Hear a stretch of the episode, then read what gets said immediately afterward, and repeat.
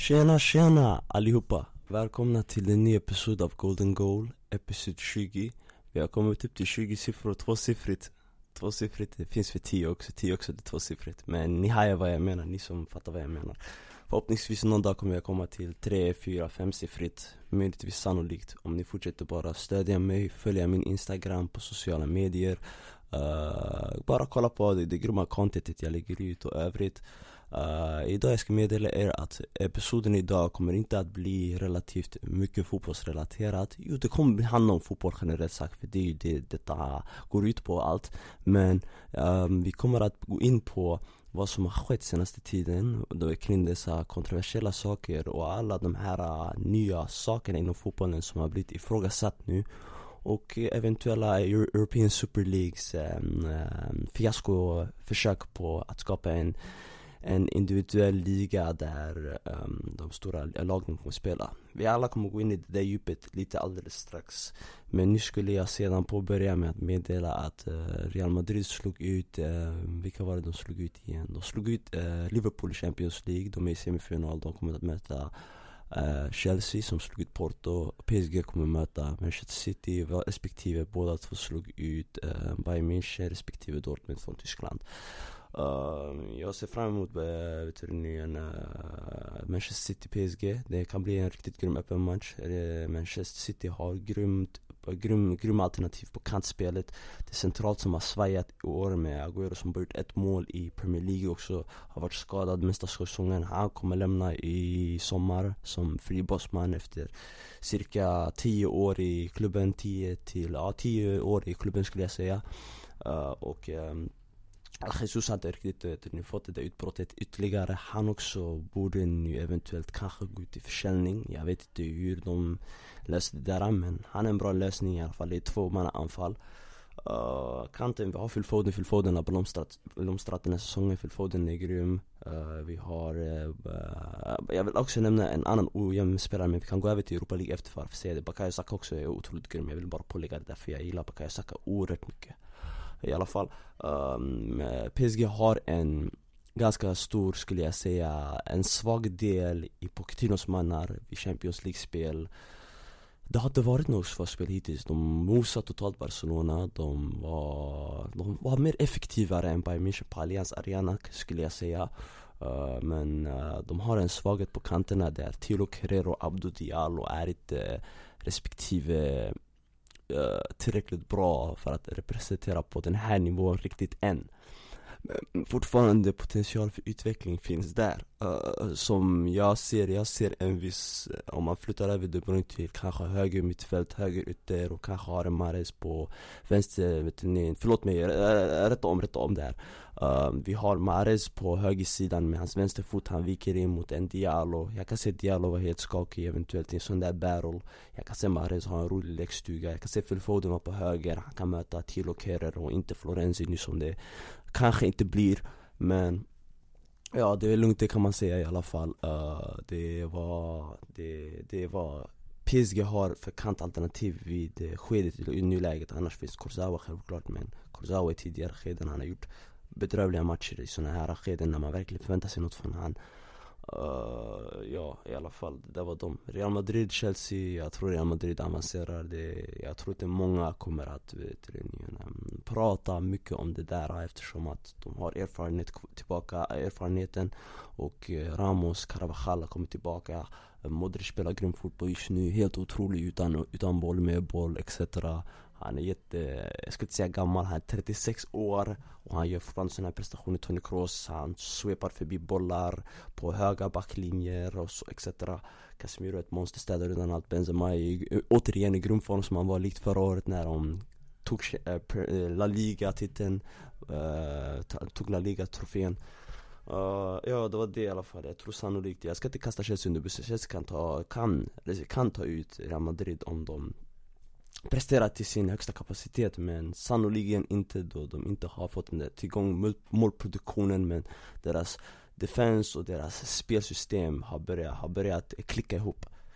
Um, Ja det var det i alla fall från Champions League, Bakayo Saka, ja Bakayo Saka är, jag följer inte Europa League jätte jätte jättemycket men jag vill bara säga Bakayo Saka, Emil Smith Rowe uh, Mason Greenwood, uh, vilka fler har vi? Vi har fler spelare där ute. Det är inte bara dessa engelska spelare, britterna som jag kommer ihåg med, med namn nu men de här, den här unga generationen, de ser hungriga ut och hungern och intresset och passionen och ansträngningen är just vad som gör denna sport så vacker bland de här unga spelarna när de får chansen. Och ja, jag ser dem bara ta enorma kliv ännu mer. Utan dem, respektive kanske klubbarna skulle ha mindre mål. Mindre poäng Mindre eh, consistent performers offensivt. Uh, I alla fall, jag vet att uh, Manchester City möter Roma och Arsenal möter, uh, vilka möter de nu igen? Förlåt mig, de möter um, Villarreal. Så när Emre kommer att behöva återvända igen med Europa League-kronan League-kronan på hans panna fortfarande Även då sist han respektive hade en klubb, det var med i Europa League-final, det var Arsenal och då förlorade. Nu kan han ta ut dem och respektive gå fram till att vinna Europa League som han är en briljant, briljant mästare på, ärligt talat. Uh, det var det i alla fall. Um, jag ville gå in i Allsvenskan nu som har påbörjat. Uh, det finns två, tre utropstecken som uh, två omgångar har gått. Alltså jag måste kommentera den här spelaren i Hammarby. Han är 18 år gammal. Ak uh, nigerian. Akin Kumi Amo. Han börjar, han börjar matchen mot Malmö, den såg jag tydligt. Han spelade galant mot Malmö. Fart, teknisk. Vet vilken rörelse han ska ta, tar rätt löpning. Kraftig. Den enda nackdelen med han kanske det är hans korta tillväxt Men det kan bidra till något annat senare, eventuellt någon faktor kanske. Men i Eh, dagskedet han slog också till med typ en assist där Abdul Khalil gjorde ett drömmål mot Malmö, mot Malmö eh, från Hammarby men Malmö slutade med att eh, vinna matchen i slutskedet när Jonas Knutsson gjorde ett fint mål i slutskedet. Och sen i andra omgången gjorde han mål mot Mjällby han gjorde också en fin prestation där men jag ville sätta på matchen ärligt talat eh, sådär lite lätt så jag tror jag ville kolla vad det var jag missade med Amo för han är så spännande. Uh, Då, uh, man tog ut han redan så jag jag ska inte säga att jag inte kollade men jag tappade lite förväntningar då skulle jag säga. Men Amo gjorde mål där igen och han har redan fått intresse från storklubbarna redan och jag kan förstå killen. Han, jag tror han har det där. Ja, Ni som förstår vad jag menar med det där, han har sannolikt det där. En, Slutprodukten också kan arbetas på. Men Aki, Akumi, Kumi, Akin Kumi Amo Utropstecken. Grym. Uh, vi har um, Hussein Ali Örebro. Hussein Ali Örebro har tagit kliv från Örebros yngre akademilag upp och han är bara 18 år gammal, har spelat båda matcherna nu mot Göteborg och Östersund som högerback. Uh, Östersund-matchen var hemsk från hela Örebro, ärligt talat De, slut, de fick uh, eh, 5-0 förlust på bortaplan. Hemma mot Göteborg, Göteborg var bättre än dem. Eh, uh, 90 minuter av matchen, om inte Örebro var lika passiva mm, så skulle sannolikt uh, Göteborg göra mål på något anfall. Men i alla fall att vara 18 år gammal och kliva in som högerback och få det förtroendet direkt av tränaren och tränarna Och själva föreningen och institutionen Det är grymt stora steg för en 18-årig kille och sen vi har tredje, han har inte spelat så mycket, det är Amin Sar, Malmö FF, anfallare. Amin Sar, Malmö FF, han kommer ta större kliv detta år. Bara om Jona, Jon Dahl Tomasson litar på honom ytterligare. Och eh, vågar bänka den här nya anfallaren, kroaten, jag har glömt hans namn. Och eh, en viss Ola Toivonen och vågar spela denna unga man. För han, han har visat oss flera, flera gånger förra året att han är lovande och spännande Men han behöver bara det där extra Mer speltid, därifrån kan det blomstra. Amin Sar i alla fall, han har inte fått mycket speltid hittills men det var gått två omgångar så det finns tid för sånt. Um, Jag vill gå in i två felaktiga VAR-beslut i Premier League om, från förra veckan uh, Som jag fortfarande inte kan begripa. Uh, Jag vill börja med först uh, Liverpool mot Aston Villa där Firmino gjorde ett mål. Men målet blev bortdömt för offside i början, i, i första skedet där jag tror Alexander Arnold skiftade en boll till andra planhalvan, till andra sidan till planhalvan mot vänstersidan mot, men, men en framåtriktning och det hamnade vid Jotas fötter som hade tajmat en löpning extremt väl riktigt, riktigt väl. Tillsammans med att Konza också eh, tog tillbaka sin häl sådär. Så de matchade varandra. Om man kollar på linjerna och sen var rummet hur de började rita de här linjerna och vartifrån Jota stod när han, när han var redo att ta ett steg fram. Det är väldigt, väldigt konstigt, jag undrar ibland vad är det som händer? Vart får de det här, de här idéerna ifrån? Uh, jag ska inte sitta och, och leka någon expert kring det där men det verkade vara ett riktigt, riktigt fel beslut som kunde ha kostat Liverpool tre poäng om de inte Arnold gjorde mål vid slutskedet och uh, ja, det var, det där var, det var ett skumt beslut ska jag vara ärlig Det är Jotas uh, eh, löpning och att Konza stod i linje med honom och bollen som kom exakt det skedet innan Jota började springa jag vet inte vad som händer ibland med VAR faktiskt, ärligt talat. Uh, de, borde, de borde ta hård kritik för sådana där beslut. Uh, sen andra var uh, West Bromwich mot Southampton på måndagskvällen förra veckan. Där um, en Furlong som är högerbacken i West Bromwich hade skjutit bollen. Uh, Kyle Bartley som är uh, klubbens respektive mittback hade stått i en offside position Men han påverkade spelet, varken spelet eller målvaktens syn.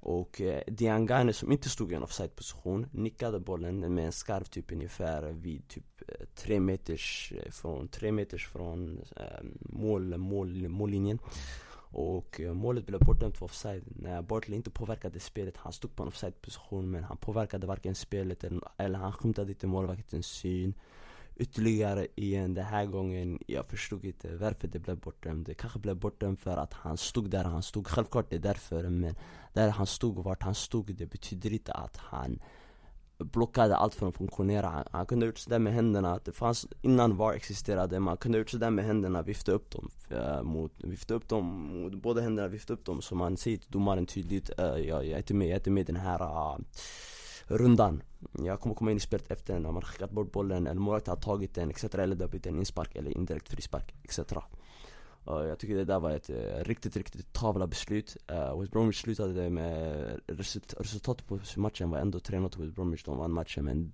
ytterligare igen om det hade hänt någonting annat gentemot att West Bromwich inte kunde göra mål den där matchen och till exempel Southampton gjorde mål. Uh, då det skulle vara väldigt kostsamt. Det skulle, De skulle kanske vara i en större fara att trilla ner till Championship uh, vi, Det var det från de här två felaktiga VAR-besluten. Uh, Nu jag ska gå in i någonting som är lite mer politiskt och inte mitt område Om jag ska begränsa mig själv helt ärligt Men det här med eh, blåsandet av fotboll nu då, det den här eh, med innan avspark man går ner på ett knä. Wilfred Zaha, jag ser bara vad vissa profession, eh, professionella fotbollsspelare eh, gör. Uh, Wilfred Zaha har sagt att det där hjälper ingenting. Det driver vidare bara agenda, det formar bara vet lokaliserad och nationell rasism skulle jag säga för att Ja, sådana där saker existerar runt om världen, det är, det är en självklarhet. Eh, det är bara fördomar från vad människor har lärt varandra och, eh, och andra. Men att ni fortfarande vill göra en på, jag vill inte säga på låtsasrörelse men typ eh, fortsätta driva det här agenda att vi mot dem, de mot vi på fotbollsplanen innan matcher. Det, det, det, det är inget lyckat, det är inget um, det är inget substans, det är, inget, det är ingen mening, det är bara typ som ett uppdrag. Det känns mer som ett uppdrag än att någon faktiskt går och gör någonting. Och eh, då man ger ju mycket marknadsföring också till eh, de andra övriga representanterna av denna kontroversiella rörelse skulle jag säga. Där man inte pratar om jämlikhet och etc. Man kan ju prata om jag ska inte leka expert här, helt ärligt. Eh, jag tycker bara kneeling i fotboll eh, är felaktigt. Eh, man borde sluta göra det genast. Jag tyckte att man borde göra, man borde, jag tycker man borde ha gjort det en omgång max. Om ni tycker att ni skulle göra en ändring nu i en hel säsong, ni ska göra det. Jag, jag vet inte, kanske en säsong till kanske det händer. Om man tänker relativt vad de håller på med i nyskedet Uh, Eh, men det är dags att ta en stand emot vad egentligen som är rätt och vad egentligen som är fel. När det är fel Även om motivet var att ha rätt. Som sagt uh, Ja, det var det i alla fall om kneeling med fotboll. Kneeling med fotboll, det är lite Lite svårt, svårt bedömt men jag tycker det är fel. Eh, uh, och det här kommer stora snackisen av veckan, uh, European Super League. European Super League är en driver modell där alla stora klubbarna nu skulle säga förutom tyskarna, för Tyskland har en regel att 50% 51% av ägarna av alla klubbarna är fansen 49% är investerare, vartifrån de kommer är betydelselöst. Um, och eh, tysk eh, och, eh, och, och Paris Saint-Germain och fransmännen också, jag kan gå in i dem varför de nekade själva idén. Jag tror respektive Paris Saint-Germain nekade idén eftersom att de, Uefa, eh, Nasser El Khalifi som är president och, eh, och ansvarig för Paris Saint-Germain, ägare för Paris Saint-Germain eh, håller VM-mästerskap i Qatar 2022 under vintern, jag tror i Sverige och Skandinavien skulle jag säga och Europa Men sommar hos dem i Qatar. Så han, och han är med i kommittén i Uefa också. Så han och Fifa har antagligen kommit till ett, vet du, en, en, ett förstå, en överenskommelse att eh, inte eh, Att han inte ska hugga dem i ryggen och springa till den idén så han kan få sig VM För VM känns som mer exklusivt än att man ska göra alla stora lagen som är När de möter, när de möter varandra, det är ett stort event och när de, när de, om de möter varandra varje, varje vecka så där, det blir inte ett stort event längre. Det blir inte lika wow som när Champions League det händer, vad är det? Det händer slutspelet, det händer, de möts två gånger och sen That's it. Man går vidare mot en annan opposition Men modellen, så Nasser han, det enda anledningen varför jag tror personligen, jag tror att han inte är med det är för att han håller VM-mästerskap 2022 I alla fall, um, i Qatar. I alla fall, um, European Super League, detta mm, Florentino Perez har, uh, han tog in Real Madrid vid helgen. Uh, Även Gizidis VD uh, eh, i Milan tog in Milan. Uh, Andrea Agnelli, Juventus, uh, VD, jag tror, han tog in dem. Uh, De kom överens. Uh, Woodward, före detta Manchester United um, Vice chairman. Han tog in dem också. Vi har Stan Kroenke, Joshua Kroenke i Arsenal, de ville vara med där och eh, själva modellen bara, och sen vi har Tottenham också med, jag glömde vad, Josh, Joe Lewis, eh, ägaren, inte Peter, Le inte Peter Leary som folk tror det är. Peter Lewis är under eh, Joe Lewis, det är Joe Lewis som äger mycket stock och mycket grejer från klubben eh, uh, etc och um, Ja, det, det, modellen var bara att de skulle ha typ så här betydelselösa matcher eh, Eh, respektive, vi ser ju nu exempelvis Tottenham slutar sist i den här uh, ligan och de trollar fram, just nu, det var 15 lag vid skedet där den bröts ner. Men vi ser Tottenham är sist, de blir inte eliminerade, de förlorar ingenting. Och eh, de går bara upp på segrar i, hur ska man säga, valuta, valutavinster. Uh, och ekonomiskt, finansiellt, de går bara ekonomiskt och finansiellt uh, stora vinster. Där det sägs att de skulle kunna få 1,3 miljoner per match och etc. Och det där det låter löjligt. Det låter överdrivet mycket.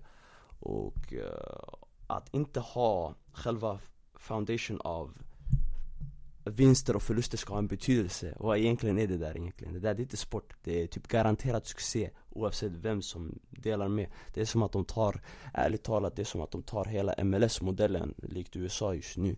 När det känns som att de här lagen i MLS inte kan åka ut och den som vinner ligan där generellt sagt, det är inte hyllat. Och jag, ser det, jag anser det som fel då det är bara egenvinnande och andra lagen i de respektive ligorna. Atletico Madrid också var med, förlåt mig jag kanske glömde att nämna de Barcelona och de här andra också.